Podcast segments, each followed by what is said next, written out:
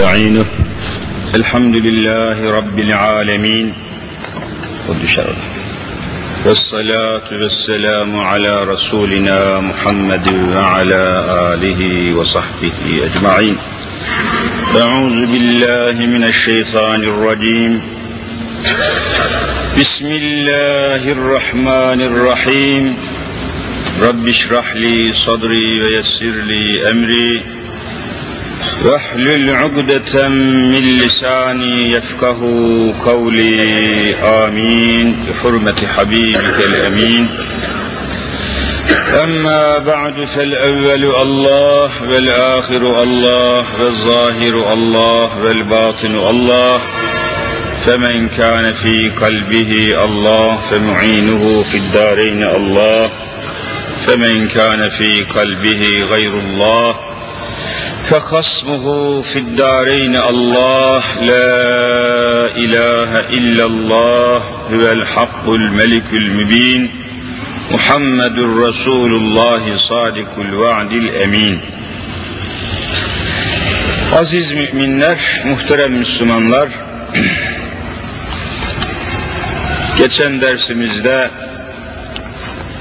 temas ettiğimiz üzerinde durduğumuz mevzu yine bugünlerde bütün yoğunluğuyla devam ediyor. Bütün ağızlarda, bütün konuşmalarda, demeçlerde, beyanlarda, siyasi alanlarda, partilerde, bilhassa politikayla uğraşan kişilerde, gazetelerde, televizyonlarda, konuşmalara, ifadelere, beyanlara, açıklamalara dikkat ederseniz, yine geçen ders üzerinde durduğumuz mesele ve bu meseleyi ifade eden kelime hala devam ediyor, konuşuyorlar, bu kelimeyi kullanıyorlar. Ama bunun manasını, muhtevasını, keyfiyetini kesinlikle açıklamıyorlar. Kime sorarsanız, kimi konuşturursanız, kimi dinlerseniz temiz toplumdan bahsediyor. Temiz toplum. Bugünlerde temiz kelimesi, temiz lügati kelimesi çok kullanılır oldu. Hemen herkes temiz bir toplum istiyor. İnsanların temiz olmasını, bunu söylerken de maddi temizlikten ziyade manevi temizlik ifade etmeye çalışıyorlar. Mesela devlet teşkilatında çalışan amirler, memurlar, müsteşarlar, genel müdürler ve sırasıyla bil umum kamu yönetiminde vesair hizmetlerin başında çalışan insanların temizliğinden, temiz olmalarından neyi kastediyorlar? Yani bu memurlar, bu amirler, bu sorumlu makamın sahipleri, hakimler, savcılar, bil umum yöneticiler, yönetim makamlarında bulunanlar temiz olmalı derken neyi kastettiklerini biliyorsunuz. Yani rüşvet almamalı. Rüşvet almamalı demek istiyorlar. Haksızlık etmemeli demek istiyorlar. Yalan söylememeli, diyorlar. Emanete hiyanet etmemeli diyorlar. Bunları kastediyorlar. Yoksa kirli, paslı bir elbiseyle vazifesine gelmemeli şeklini kastetmiyorlar. Yani yıkanmadan üstü başı pislik içinde tıraşlı tıraşsız eli ayağı kirli, paslı, pis şekilde daireye gelmesin, makamına gelmesin, masasının başına oturmasın demek istemiyorlar. Bu temizlikten maksatları manevi. Yani hırsızlık etmesinler. Yalan söylemesinler. Hak yemesinler. Haksızlık etmesinler. İşte bildiğiniz gibi rüşvet almasınlar. Vatandaşa eziyet etmesinler.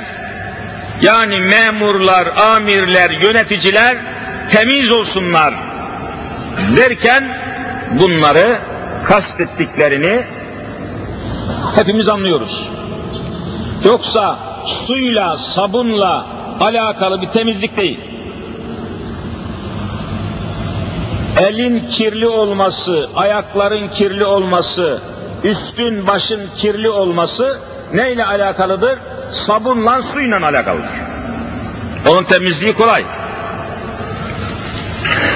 Temizlik malzemesi alırsınız, sabun vesaire, kirli çamaşırı yıkarsınız temiz olur. Elinizi ayağınızı bir banyoya girersiniz yıkarsınız temiz olur. Ama kastedilen bu değil. Şu anda şu sırada başbakanından tutun bilmem kime kadar temiz toplum, temiz toplum, temiz yönetim, temiz siyaset, temiz parti kelimelerinden kastedilen temizlik bu değil.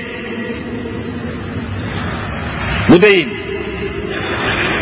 O halde bu nasıl olacak? Biz bunu Müslüman olarak Kur'an-ı Mübin'e göre elbette ve bunun kıyamete kadar en doğru açıklaması olan ehadis-i nebeviye dediğimiz Peygamberimiz Efendimiz Hazreti Muhammed Mustafa sallallahu aleyhi ve sellemin mübarek hadislerine göre meseleyi ele almamız lazım. Bu noktadan mesele bir Müslüman için en doğru, en geçerli, en muteber, en mutebed ifade Allah'ın kelamı olan Kur'an'dır. Kur'an bir meseleyi bize arz ediyor ve bizi bu konuda aydınlatıyorsa başka hiçbir kimsenin bilgisine ihtiyacımız yoktur. Kur'an bize yeter. Kur'an'ın açıklaması, tefsiri mahiyetinde olan Peygamberimiz Efendimiz mübarek hadisleri meseleyi açıklıyorsa o da bize yeter. Daha başka bir delil, kaynak aramaya ihtiyaç duymayız. Ama işte bütün sıkıntımız burada.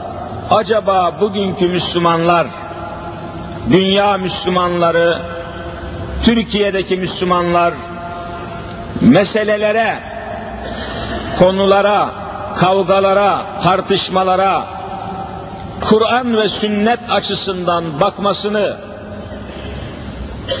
ve bu gibi mevzulara Kur'an'ın ve sünnetin açıklamasını ortaya koyabiliyorlar mı, koyamıyorlar mı? Bütün mesele buradan kaynaklanıyor. Buradan kaynaklanıyor. Şimdi bir insanın manen, manevi olarak gözlerin görmediği şekilde temiz olabilmesi, yani hırsızlık etmemesi, haksızlık etmemesi, zina etmemesi, haram işlememesi ve buna benzer bil umum kötü hallerden ve kötü huylardan korunması, kollanması ve bunlardan temizlenmesi nasıl olacak? Neyle olacak?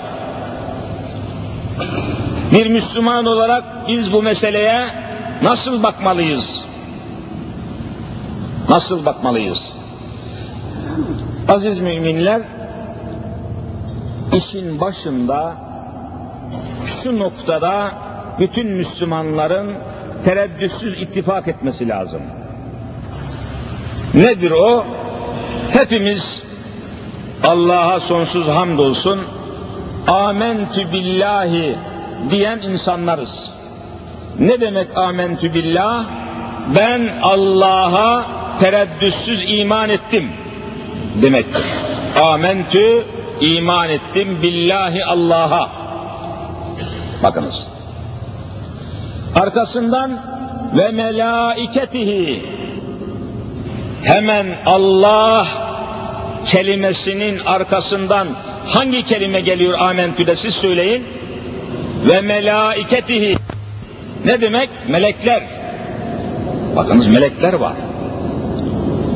Yani iman esaslarının hemen Allah Celle Celaluhu kelimesinin arkasında melekler iman esaslarında yerini alıyor. Yerini alıyor. Bunun konumuzla ne alakası var? Diyeceksiniz veya diyecekler. Bu meseleyle, bu konuyla ne alakası var? Efendiler, hiç şüphe yok ki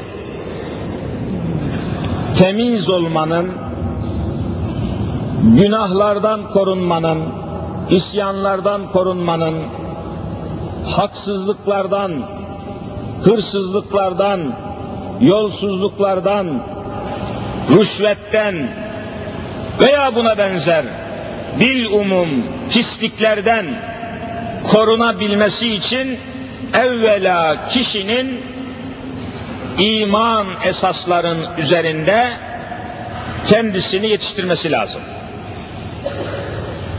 Kendisini bu konuda kalben tatmin etmesi lazım. Kalben iman etmesi lazım. Amentü billahi bakınız ve melaiketi bu iki madde üzerinde biraz duralım. Temizlik bakımından ve bu meselenin açıklanması bakımından. Allah'a inandım diyoruz. Her bir Müslüman bizatihi fert fert amentü billahi Allah'a iman ettim diyor. Kelime manasıyla gayet kolay. Allah'a iman ettim. Ancak açıklanması lazım. Allah'ın nesine iman ettin? Gayet tabidir ki Allah Celle Celalü inanılması vacip olan, tasdik edilmesi vacip olan yegane varlık. Tereddütsüz iman ediyoruz ki Allahu Teala bizi yaratandır. Amentü billahın içinde bu da var. Allah bizim yaratanımızdır. Hayatı bize bahşeden odur. Yani bizi hayata getiren de Allah'tır, hayattan götüren de Allah'tır. Yuhyi ve yumit, hayata getiren ve hayattan götüren. Yani hayatı da yaratan, ölümü de yaratan Allah'tır. Amentü billahi derken bakın bütün bunlar mevzu bahistir. Allah'a inandım demek ne demek? Allah'ın beni yarattığına inandım. Beni hayata getirenin Allah olduğuna inandım. Beni hayattan tekrar götürecek olanın Allah olduğuna inandım. Bakın. Yoksa kuru kuruya amentü billahın hiçbir manası yok. İşi geniş düşünmek lazım. Bizi hayata getirenin Allah olduğuna, aynen hayattan bizi alıp ecelimiz geldiği zaman, ömrümüz hitama erdiği zaman bizi hayata veda ettirenin de Allah olduğuna inandım. Amentü billahi diyoruz.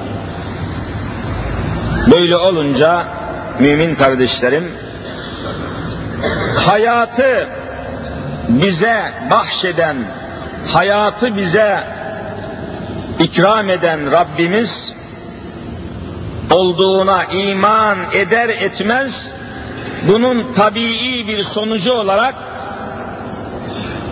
hayatımızı nasıl yaşayacağımızı tamam amenna Allahu Teala bize bir hayat vermiş hayat diyoruz tabiat diyoruz eşya diyoruz madde diyoruz. Hava su toprak elle tutulan gözle görülen bil umum varlıklar. Hayatımızı ayakta tutan varlıklar, yediğimiz şeyler, içtiğimiz şeyler, evimizde, hayatımızda etkisi olan, müessiriyeti olan şeyler, bilumum hayatta kalmamıza, ayakta kalmamıza yarayan şeyler. Bütün bunların Allah tarafından yaratıldığına amentü billahi diyerek tasdik ediyoruz. Bu böyle tasdik edilince hayatta nasıl hareket edeceğimize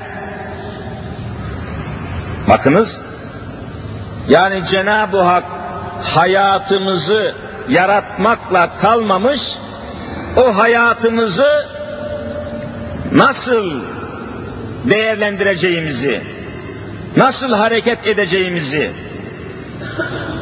nasıl besleneceğimizi, nasıl yiyip nasıl içeceğimizi, kadınlardan nasıl istifade edeceğimizi, suda, sulardan nasıl istifade edeceğimizi, gıda maddelerinden nasıl istifade edeceğimizi, hayvanlardan nasıl istifade edeceğimizi, her şeyi bütünüyle hayatı yaratmakla beraber o hayatı nasıl kullanacağımızı da Rabbimiz açıklamıştır.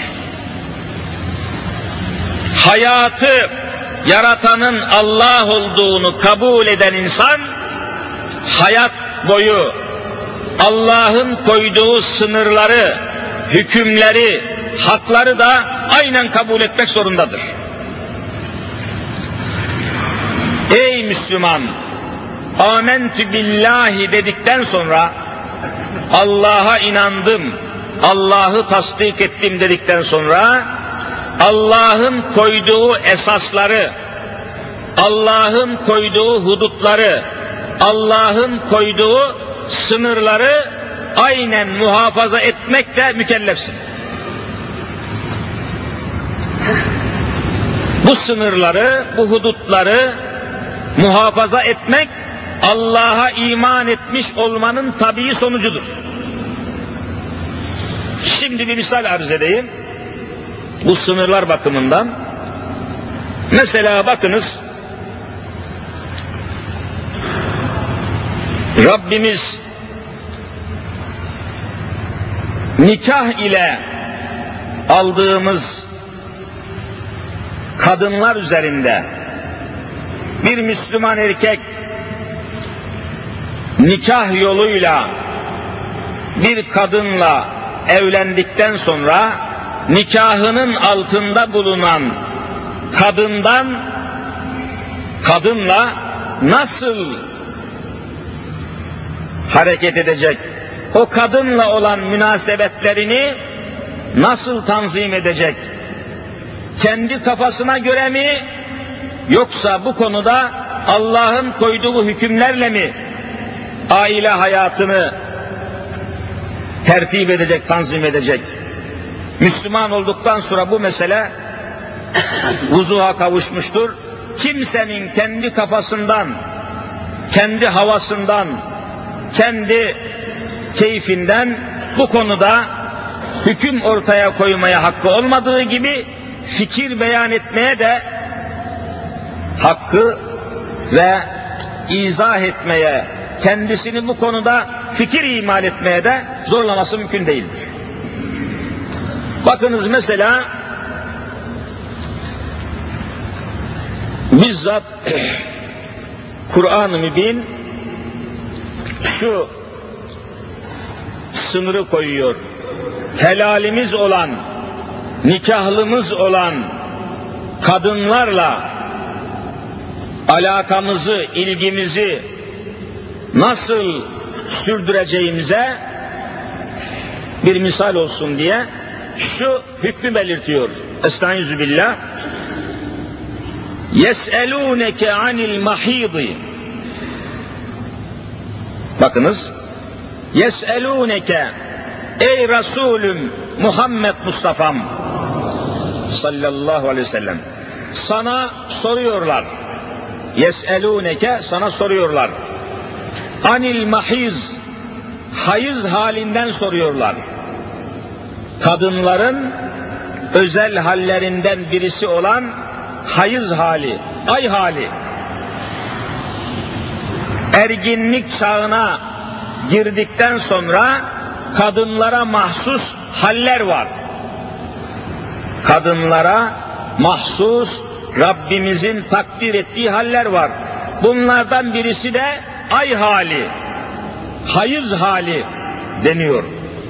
Sana bundan soruyorlar. Yes'elûneke sana bunu soruyorlar. Şimdi peygambere bu mesele sorulduğu zaman peygamberin kendisinden bir şey söylemesi mümkün değil.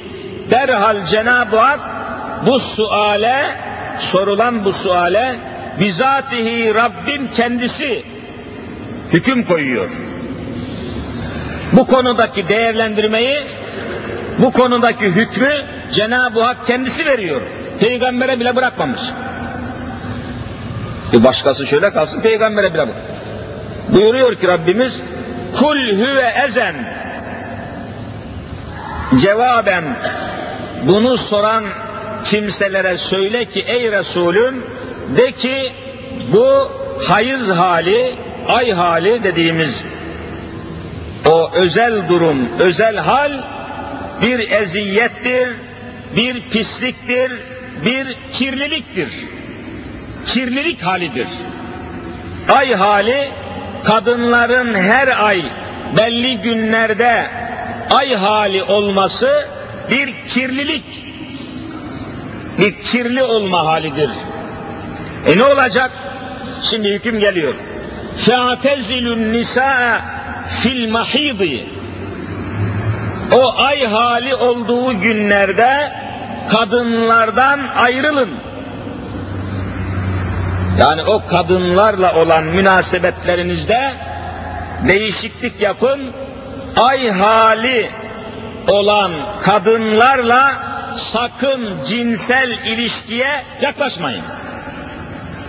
Senin helalindir, senin hanımındır, senin nikahlındır ama ay halindeyken o hal geçinceye kadar, o kirli halden temizleninceye kadar cinsel yaklaşımda bulunmayın.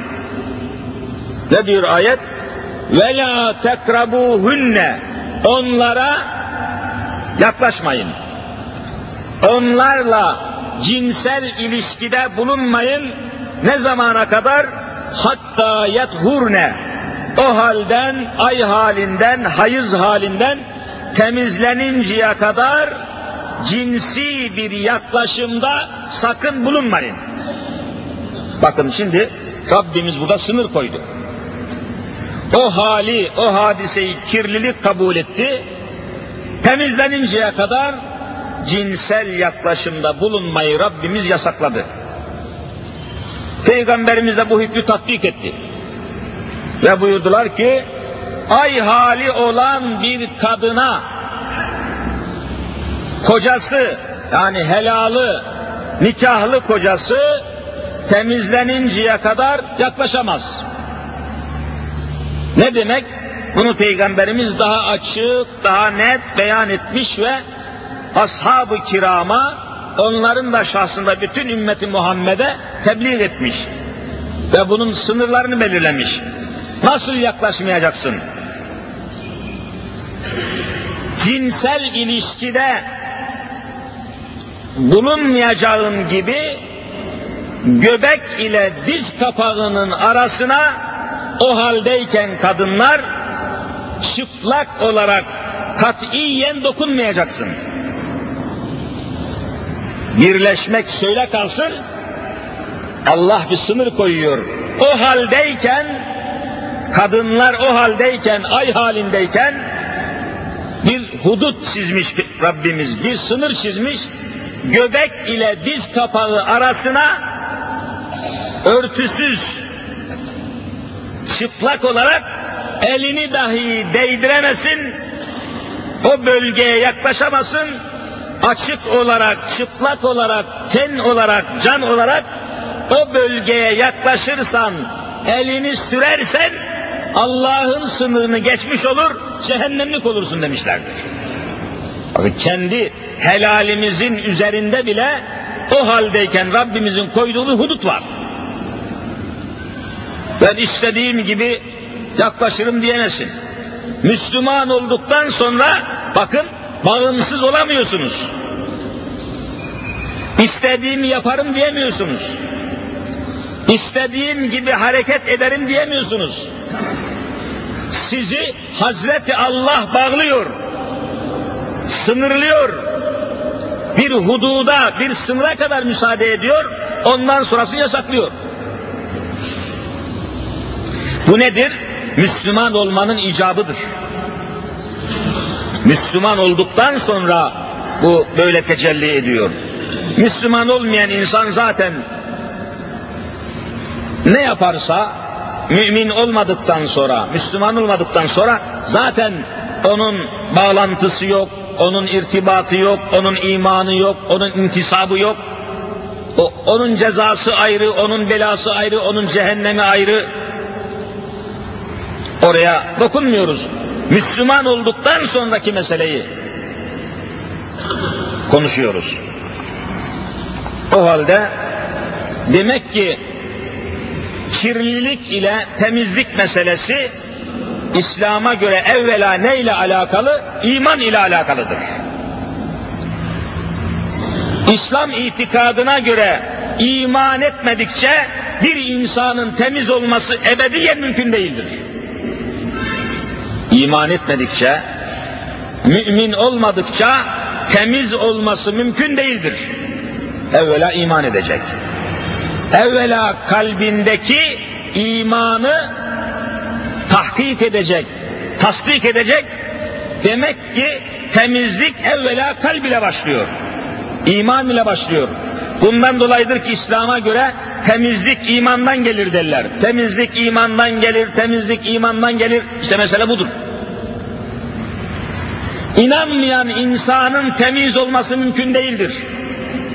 Allah'a inanmayan adamın, ahirete inanmayan insanın, meleklere inanmayan insanın temiz olması mümkün değildir.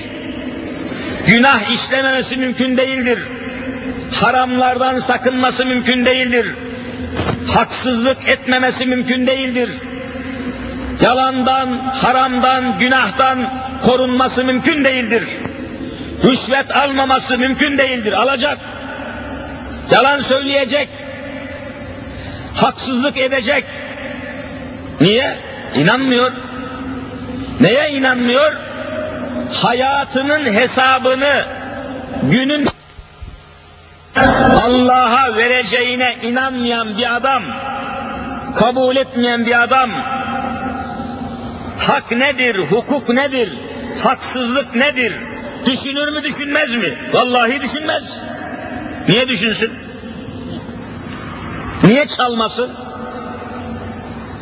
Çaldığı malın, gasp ettiği malın, haksız yere aldığı bir malın, paranın, nakdin, kıymetin hesabını hesap gününde Allah'a vereceğine bir memur, bir amir, bir müsteşar, bir genel müdür inanmıyorsa bu adamın haksızlık etmemesi mümkün mü değil mi?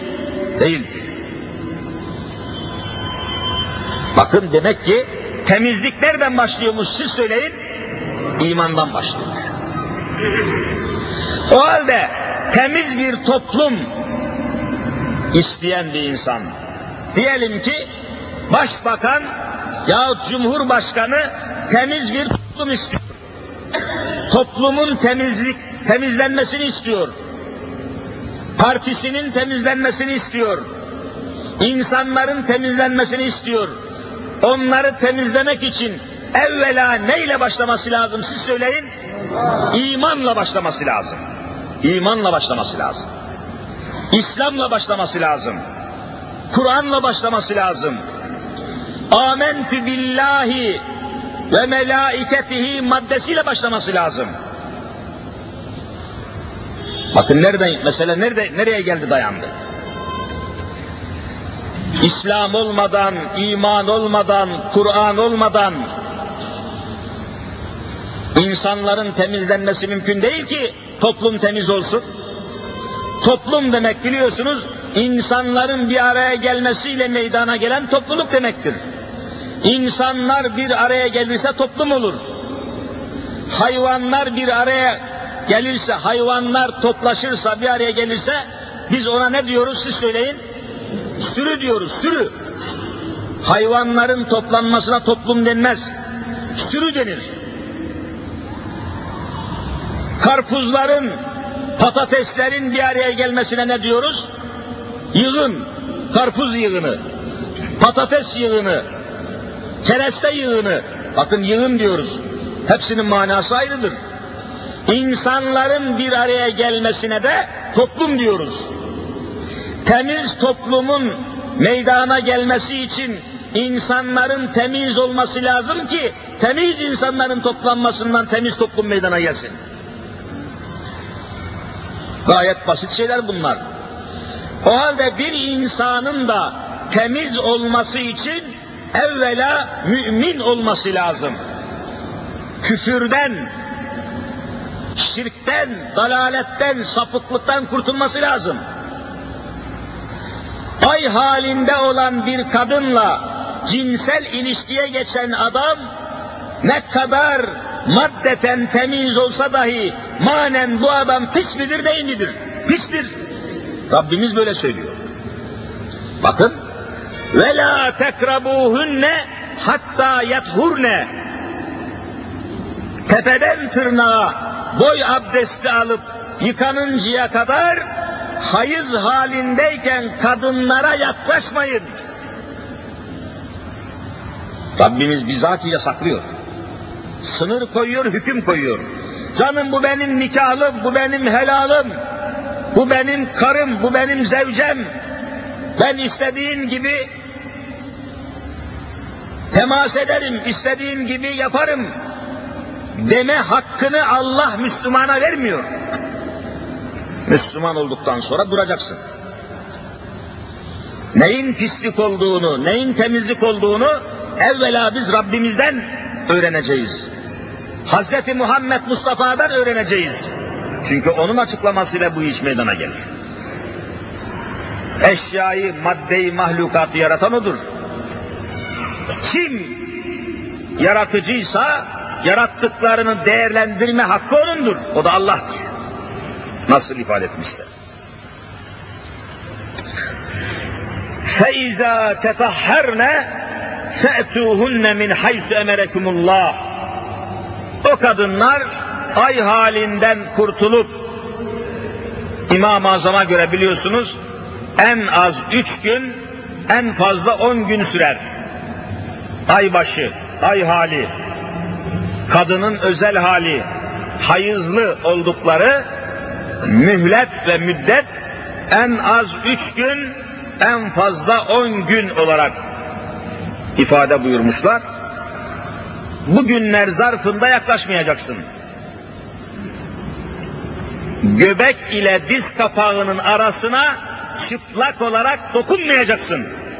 Hudut, yasak bölge. O temizlenin. Temizli, temizlendikten sonra bakın feiza tetahherne temizlendiler mi? Tamam. Fe'tuhunne min haysu emerakumullah. Allah'ın emrettiği şekilde o kadınlardan istifade etmeniz helal olmuştur. Bakın sınırların Rabbimiz belirtiyor. Bunu niçin anlatıyoruz? Efendiler şunu anlatmaya çalışıyoruz. Toplum İslam'ın eğitiminden geçirilmedikçe Hazreti Muhammed Mustafa sallallahu aleyhi ve sellemin terbiyesinden geçirmedikçe vallahi toplum temiz toplum olamaz, olamaz, olamaz. Bunu anlatmaya çalışıyoruz. Toplumun temizliği İslam'dan geçer, imandan geçer. Toplumu meydana getiren fertler, şahıslar teker teker Amentü'nün topyekün İslam'ın eğitiminden, İslam'ın denetiminden, İslam'ın terbiyesinden geçirilmedikçe, İslam'ın tezgahından geçirilmedikçe temiz toplum iddiası aldatmacadır, yanıltmadır, sahtekarlıktır, şerefsizliktir. Toplum aldatılıyor. Müslüman olmadan İslam'ı, imanı, Kur'an'ı, ahkamı temel mesele haline getirmeden temiz toplum iddiası sahtekarlıktır. Kimin ağzından çıkıyorsa iman etmemiş adamlar abdest nedir, namaz nedir, cami nedir, cemaat nedir, bilmeyen secde nedir, seccade nedir tanımayan adamların ağzından temiz toplum tabirini duyarsanız bilin ki o adam sahtekardır, şerefsizdir. Bunun için söylüyorum bunu. Çünkü temizliğin mahiyeti ve hakikati ancak iman ile, Kur'an ile anlaşılan bir hadisedir. Başka türlü toplumu temiz yapmak mümkün değildir.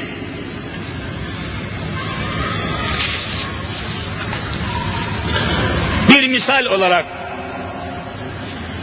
arz edilmesi hani konuyu ifade etmek bakımından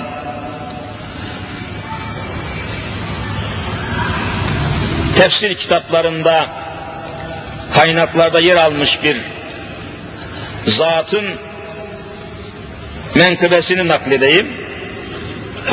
Yahya bin Muaz namında bir ulemadan bir zatın, evliyadan bir zatın bir davranışını kaynaklarda okuyoruz. Zamanın hükümdarı Yahya bin Muaz'ın yaşadığı ülkenin, bölgenin hükümdarı zalim bir hükümdarmış. Zalim. Hak hukuk tanımayan, her türlü haksızlığı, her türlü hırsızlığa müsait bir hükümdar. Bu hükümdar oğlunu evlendirmek üzere 40 gün 40 gece düğün tertiplemiş. Tam 40 gün 40 gece oğlunun düğünü. Vur patlasın çal oynasın yemekler, ziyafetler, eğlenceler, davullar, zurnalar memleketin her tarafında. 40 gün 40 gece düğün. Düğün böyle israflarla, günahlarla, isyanlarla devam ederken bu hükümdar arada bir de teftiş edermiş etrafı atının sırtında dolaşarak düğünün akışını, insanların bakışını ve insanların davranışını bizzat görmek üzere mahalleleri, semtleri dolaşırmış. Bakalım nasıl karşılıyorlar? Düğüne katılıyorlar mı? Memnun olan var mı, olmayan var mı? Merak sebebiyle hükümdar etrafı zaman zaman gezmeye çıkarmış. Yine böyle teftişlerinde etrafı yoklama maksadıyla yaptığı bir teftiş sırasında, gezi sırasında kendisine demişler ki sultanım demişler falan yerde Yahya bin Muaz namında ulemadan bir zat var, evliyadan bir zat var. O sizin düğünlerinizi, bu düğününüzü kabul etmiyor demişler. Sevmiyor demişler. Reddediyor demişler, inkar ediyor. Hatta aleyhinize konuşuyor demişler. Bu düğünün yemeğine katılmıyor. Bu verilen yemekler yenmez diyor. Bunun verdiği ziyafet yenmez, içilmez diyor. Ve dolayısıyla düğününüzü protesto ediyor. Benimsemiyor, kabul etmiyor demişler. Yahya bin Muaz demişler. Nerede falan yerde. Atını sürmüş oraya. Bahsedilen o alimi bulmuş bir medresenin önünde oturuyor. Büyük alim, büyük evliya Yahya bin Muaz oturuyor, abdest alacak. Leyen orada, ıbrık orada. O haldeyken atın sırtında hükümdar, o zalim hükümdar, 40 gün 40 gece düğün ilan eden hükümdar, gelip atın sırtında karşısına dikiliyor. Yahya bin Muaz sen misin diyor. Ses yok. Benim diyor ilan ettiğim, tertip ettiğim düğünü 40 gün 40 gece bu düğünü benimsemeyen, kabul etmeyen sen misin diyor. Yine ses yok. Bu düğünde verdiğim yemekler yenmez diyen sen misin diyor. Yine ses yok. Hiç aldırış etmiyor zerre kadar. Bakıyor ki konuşmayacak, cevap vermeyecek, hiç aldırdığı yok, çekindiği yok, korktuğu yok, hiçbir hesabı yok. Ehlullah. Ve düşünüyor, diyor ki, dini bir fetva sorayım ki, cevap vermek zorunda kalsın.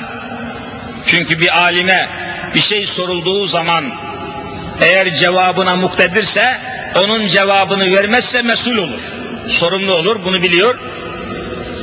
Bu noktadan hareket ederek diyor ki, Ey Yahya bin Muaz, madem diyor sorduğum şahsi suallara cevap vermiyorsun, dini bir mesele, bir fetva soracağım diyor. Cevabını istiyorum.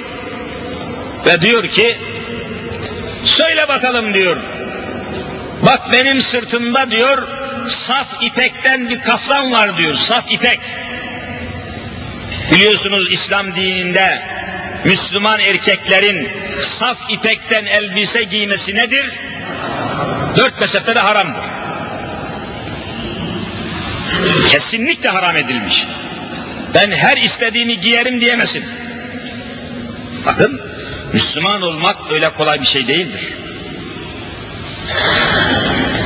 Saf ipek. O hükümdarın da sırtında saf ipekten bir kaftan var. Söyle bakalım diyor benim diyor şu sırtımdaki ipek kaftan bana helal mıdır haram mıdır diyor. Fetva. Artık buna dini bir mesele, şahsi bir mesele değil, dini bir mesele olduğu için ayağa kalkıyor Yahya bin Muaz. Ey hükümdar diyor, şu sorduğun sual ile sırtımdaki şu ipek kaftan bana helal mıdır, haram mıdır diye soruyorsun ya, sorduğun bu sual ile diyor senin halin aynen diyor bir köpeğe benzemektedir. Aynen. Köpek misalini arz ediyor. Zira diyor köpek tamamıyla etiyle, kemiğiyle, her şeyiyle necaset olduğu halde, köpek pis olduğu halde, köpek pistir pis olduğu halde diyor bu köpek, hiç dikkat ettiniz mi diyor, bir ağacın köküne, bir direğin dibine idrarını af buyurun çişini yapacağı zaman diyor ayağını kaldırıyor mu kaldırmıyor mu? Kaldırıyor diyor. Niye? O idrar onun ayağına bacağına sıçramasın. O idrar o bacağına üstüne başına sıçramasın değmesin diye köpek bacağını kaldırmadan diyor idrarını yapmaz. Bir hayvan diyor senin zaten zaten necaset, necasetsin. İdrar bulaşsa olur? Sen zaten pissin. Ama işte tabiat öyle. Hayvan, köpek pis olduğu halde idrarını dışarıya atarken bacağını kaldırıyor ki o idrar değmesin. Garip bir hadise. Senin de diyor halin, vaziyetin aynen o köpeğe benziyor ey hükümdar diyor. Senin diyor etin, kemiğin diyor haram, iliklerine kadar haram işlemiş. Zulüm, gaz, yalan, dolan, dümen, haram. Tepeden tırnağa senin canın, tenin, etin, kemiğin haramla yoğrulmuş. Sen diyor sırtındaki kaftanı soruyorsun. Sen evvela kendi etine, kemiğine işlemiş olan haramlardan temizlenmeye bak. Bu kaftanı çıkarsan bile sen pissin diyor. Neyi soruyorsun sen? Bu muhteşem cevabın karşısında Allah'ın da lütfuyla hükümdar atından iniyor, ellerine sarılıp Yahya bin Muaz'ın elinden öpüyor ve derhal tevbe ediyor. O andan itibaren düğünü tamamen durduruyor. İçkiyi kaldırıyor, çalgıyı kaldırıyor, bütün menhiyatı kaldırıyor. O dakikadan itibaren bütün ülkeyi adaletle idare etmeye başlıyor. Bir anlık mesele. Temizlik esasında imana dayanan bir hadisedir. İmanı olmayanın temiz olması mümkün değildir.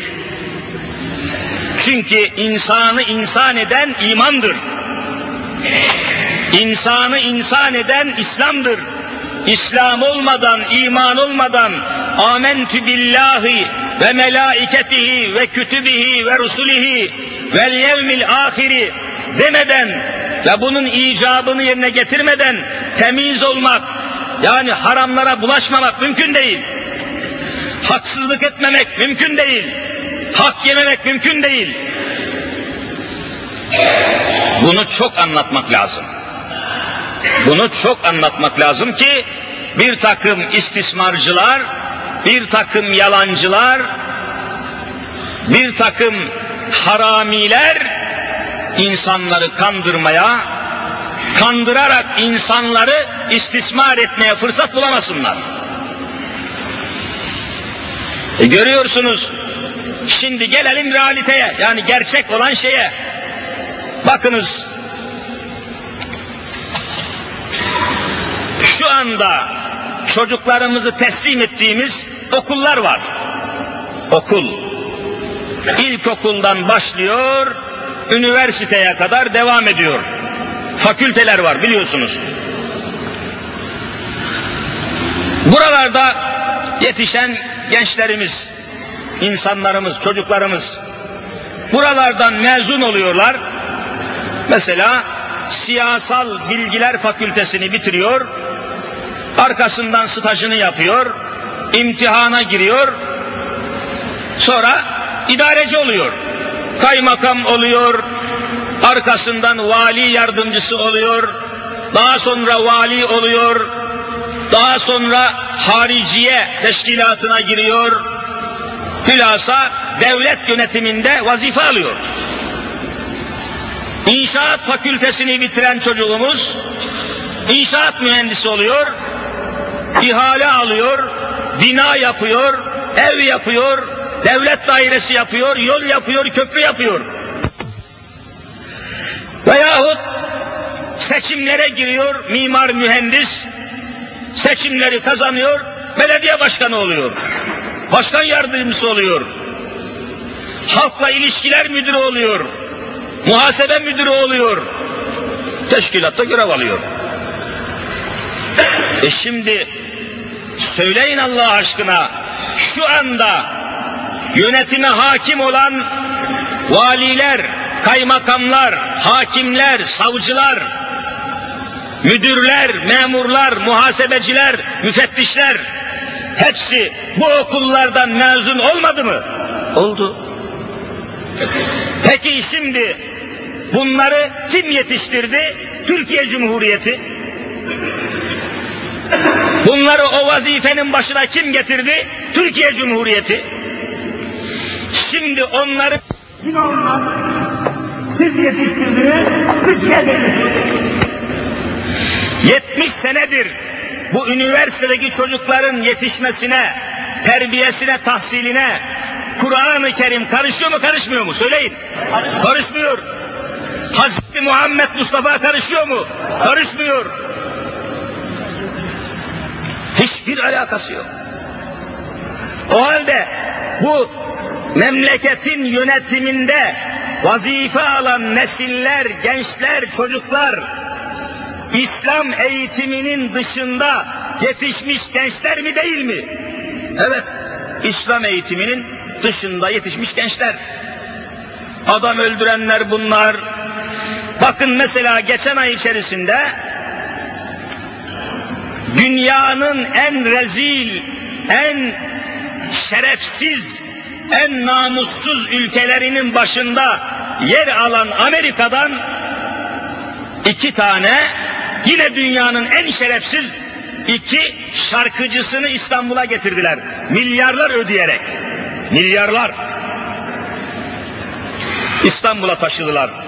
Bir tanesi Michael Jackson diyorlar ki o kadar şerefsiz, namussuz, cinsi sapık birisi ki kesinlikle babası belli değil ve öyle bir pisliğe batmış ki şimdiye kadar cinsi temas ettiği küçük çocukların sayısı katiyen bilinmiyor.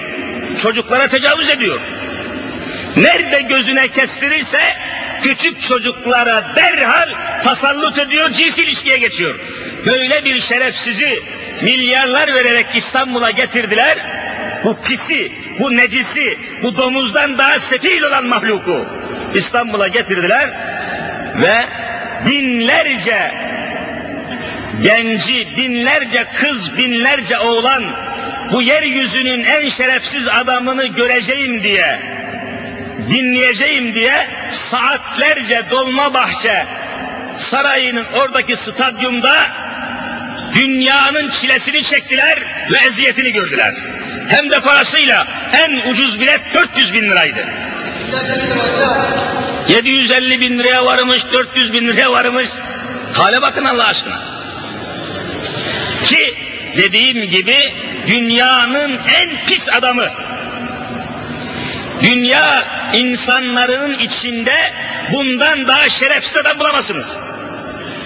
Bunu İstanbul'a getirdiler. Devlet müsaade etti, hükümet müsaade etti, İstanbul vilayeti müsaade etti, belediye müsaade, herkes müsaade etti. Bu rezili, bu sefili, bu alçağı yüz binlerce insanımıza alkışlattılar. Arkasından o kafi gelmedi. Yeryüzünün en büyük fahişesi Madonna diye bir kadını tekrar getirdiler. Aynı yerde çığlık çığlık sahnede sadece ve sadece artık hayvani temasın dışında ne kadar şerefsizlik varsa sanat diye o rezaleti icra etmişler. Gazeteler, televizyonlar yana yakıla anlatmaya.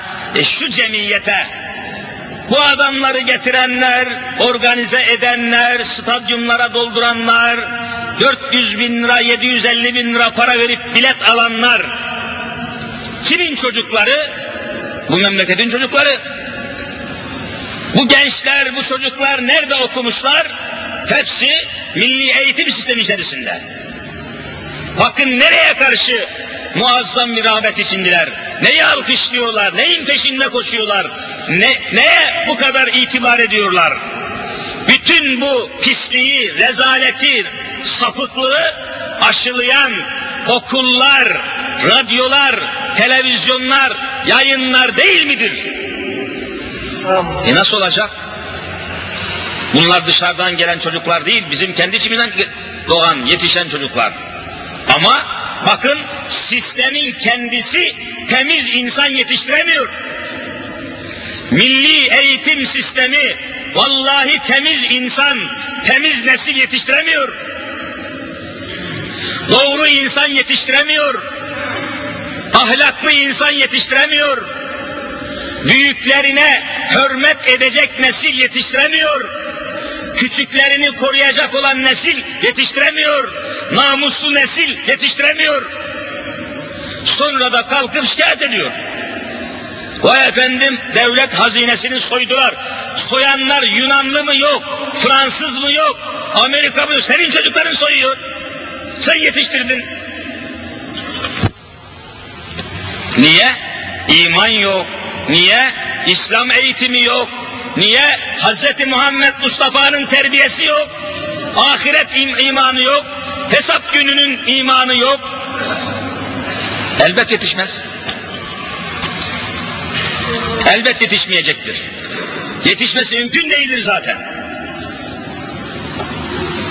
O halde hal böyleyken bakınız sanki bu rüşvetlerin, bu yolsuzlukların, bu hırsızlıkların, bu haksızlıkların sebebi İmam Hatip okulundan çıkan talebelermiş gibi dikkat ediniz sanki bu bütün pisliklerin, rezaletlerin, yolsuzlukların meydana gelmesine sebep olan İmam Hatip okulu mezunlarıymış gibi şimdi bütün hükümet, devlet, bütün organlar aman İmam Hatip okullarını açmayalım, açılmış olanları kapatalım diye türlü tezgahlar hazırlıyorlar. Bütün sorumluluk bunlardaymış gibi. Hale bakın Allah aşkına. Her zaman dediğimiz gibi 1980'den bu yana görüyorsunuz 13 sene geçmiş. 13 senedir şu memlekette Türkiye'nin genelinde tamamında bir tane İmam Hatip okulu açılmamıştır. Müslüman milletin kendi parasıyla dişinden tırnağından artırarak topladıkları paralarla tam şu anda elimizde hepsinin resimleri var. Ben de topladım teker teker. 250 tane bina var. 5 katlı, 7 katlı, 8 katlı. 250 tane bina Müslüman insanlar yapmış, çatmış, yakıştırmış, tamamlamış. 250 tane bina hiçbirisini devlet açmıyor. İmam Hatip okulu açmam diye feryat ediyor. Peki nasıl temiz nesil iddia ediyorsun? Daha hangi toplumdan bahsediyorsun? Temizliğin kaynağını kurutmuşsun. Din eğitimini kaldırmışsın. İmam Hatip okullarını kapatmak istiyorsun. Peki nasıl temizlik yapacaksın? Nasıl temiz nesil yetişeceksin? Allah olmadan, ahlak olmadan, ahiret olmadan, İslam olmadan temizlik Temiz toplumun nasıl olacağını, hangi kaynaktan besleneceğini, hangi esastan temin edileceğini ortaya koymadan bu kelimeyi konuşmanın manası yok. Hiçbir manası yok. İşte aziz kardeşlerim, bu noktayı Allah aşkına bu kelimeyi temiz toplum kelimesinden nefret ediyorum. Bu kişilerin konuşması yani İslam'la alnı secdeye gelmemiş adamlar bu kelimeyi kullanıyor ya. Secde-i Rahman etmemiş adamlar. Secde-i Rahman etmemiş. Alnı seccade görmemiş. Bir defa olsun abdest almamış. İnsanlar şimdi kalkmışlar temiz toplum arıyorum, temiz toplum diyor. Nasıl olacak bu?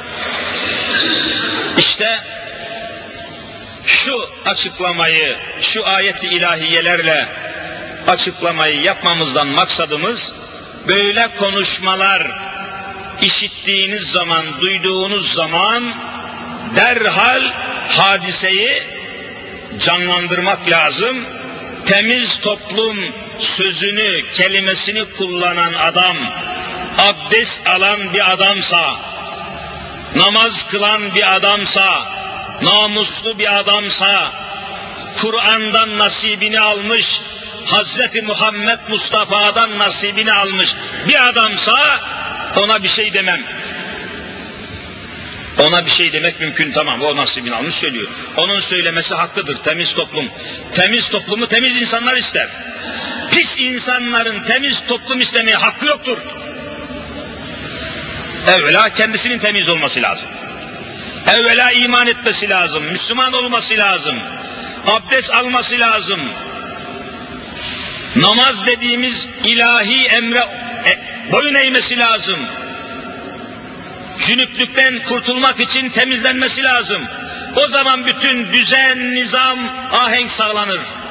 O zaman eşyanın, maddenin, devletin, düzenin bir manası olur. Tarihimizden bir misal verip dersi kesiyorum.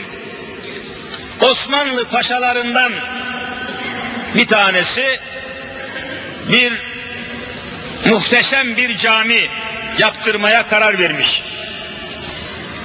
Bu da kitaplarda var. Gerekli hazırlık yapılmış, temel kazılmış, ustalar, kalfalar, çıraklar, ameleler temin edilmiş, inşaat başlamış. Dikkat! Cami inşa ediliyor. İnşaat devam ederken ustanın, kalfanın, çırağın, amelenin nasıl çalıştığını görmek maksadıyla Paşa Hazretleri bir sabah sabah namazından sonra tebdili kıyafet ederek cami inşaatının yakınına gelmiş. Bakacak hele çalışıyorlar mı? Nasıl çalışıyorlar? Ne oluyor? Ne yapıyorlar? Merak. Paşa uzaktan cami inşaatındaki çalışmayı seyretmeye başlamış. Herkes çalışıyor. Herkes arı gibi çalışıyor. Çünkü sorumluluk var. Ancak dikkatle bakınca amelelerden birisini çok değişik bir hal içinde görmüş paşa. Amele, yani taş taşıyan. Uzaktaki taşı temelin yanına gelen, ustanın yanına getiren bir amele. Kocaman bir taşı taş yığınından kucağına alıyor, ıkına ıkına taşı ustanın yanına getiriyor, yere koyuyor, dinlendikten sonra aynı taşı alıp geriye götürüyor. Orada da dinleniyor, aynı taşı alıp ustaya getiriyor, yine götürüyor, getiriyor, götürüyor. Bir tek taştan uğraşıyor. Herkesten fazla yoruluyor. Herkesten fazla eziliyor ama bir iş yapmıyor. Aynı taşı getirip götürüyor, getirip götürüyor. Paşa bunu uzaktan görünce fevkalade merak ediyor. Allah Allah bu ne ya bu adam deli mi? Aynı taşı salıncak gibi getirip götürüyor. Alnından ter patlıyor fakat iş yapmış olmuyor. İş üretmiyor aynı taş. Hemen yanındaki görevliyi diyor ki şu ameleyi alın bana getirin. Şu taşı götüren getiren amele şu. Görevli zat gidiyor kardeşim diyor. Sen biraz gelir misin diyor. Geliyor adam. Paşanın yanına getiriyor. Diyor ki evladım bak diyor ben bu camiyi yaptıran paşayım. Namazı mütakip diyor sabah namazından sonra geldim.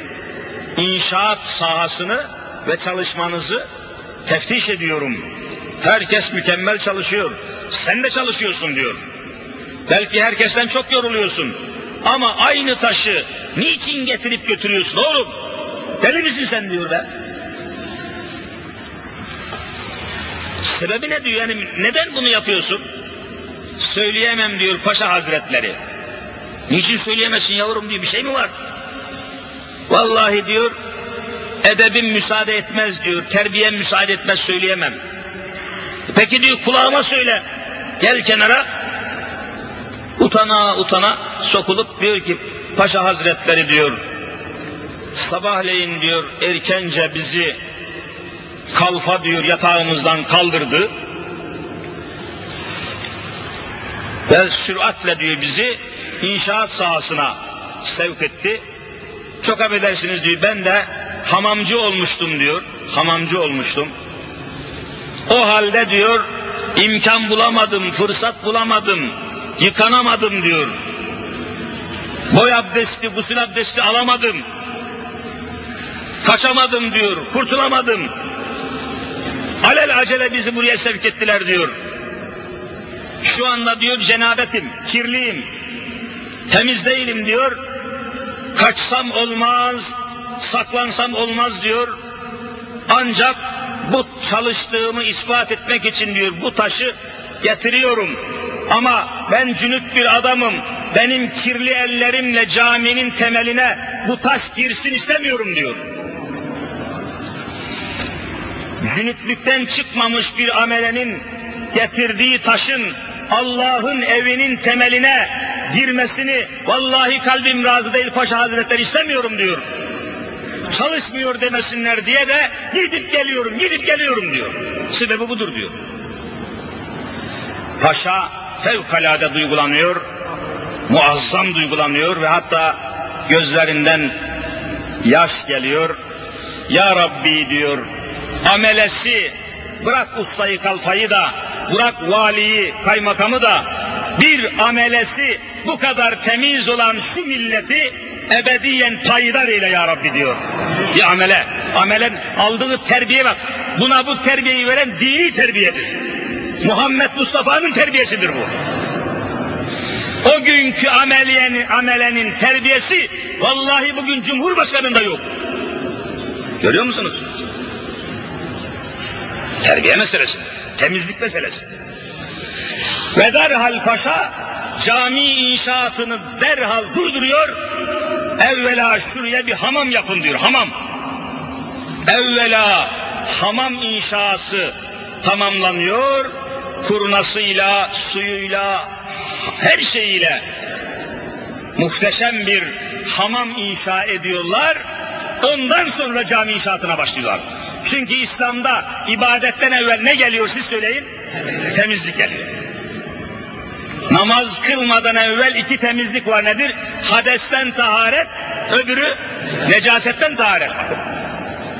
Temiz olmadan, iman etmeden temiz olamazsınız. Temiz olmadan ibadet edemezsiniz.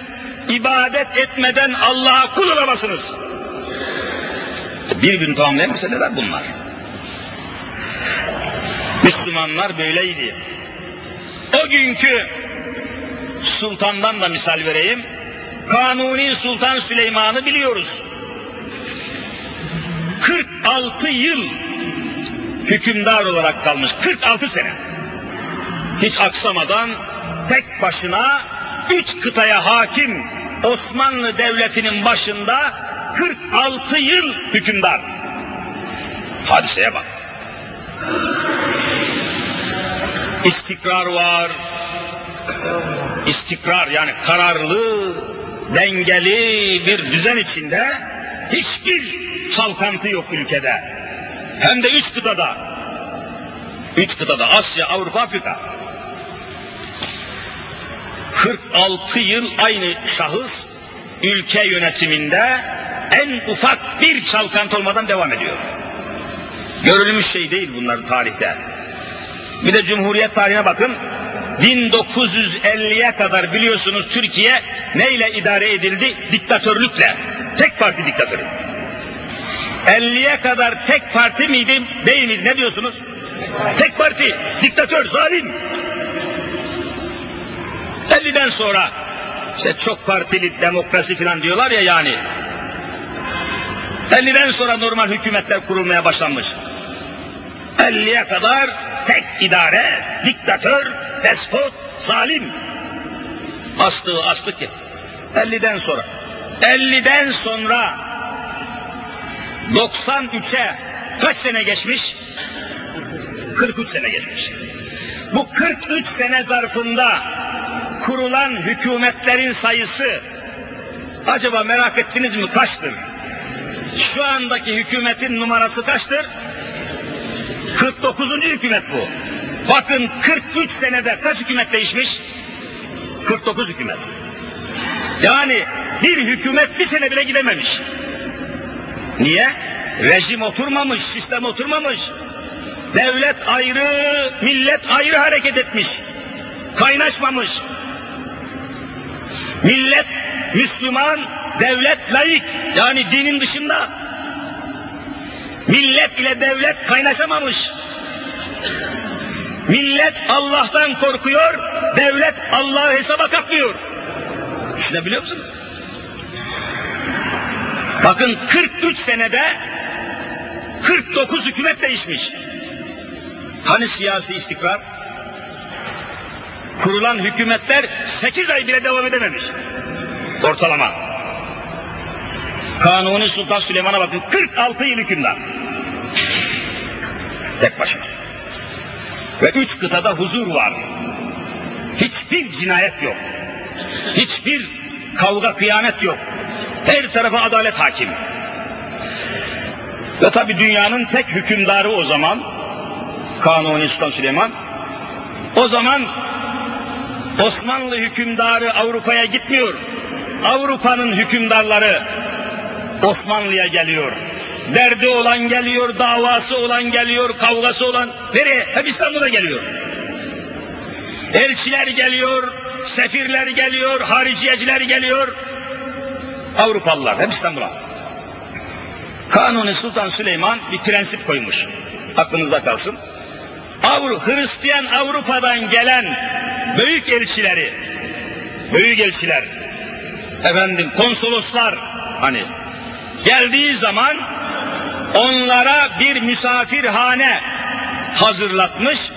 O misafirhanede üç gün, tam üç gün misafir etmeden üç gün onları yedirip içirip ağırlamadan asla huzuruna kabul etmemiş. Hani gelir gelmez palas pandaras padişahın huzuruna çıkmak yok. Üç gün orada otur, dinlen, ye, iç. Dördüncü gün huzuruma geleceksin demiş. Yakınları demişler ki hünkârım, sultanım, bu Avrupa'nın, bu Hristiyan Avrupa'nın gavurlarını niçin demişler üç gün misafir ediyoruz? Ne lüzum var? Yiyorlar, içiyorlar, yatıyorlar, kalkıyorlar. Üç gün gelir gelmez demiş çıksınlar huzurunuza, defedin gitsin bu adamlar.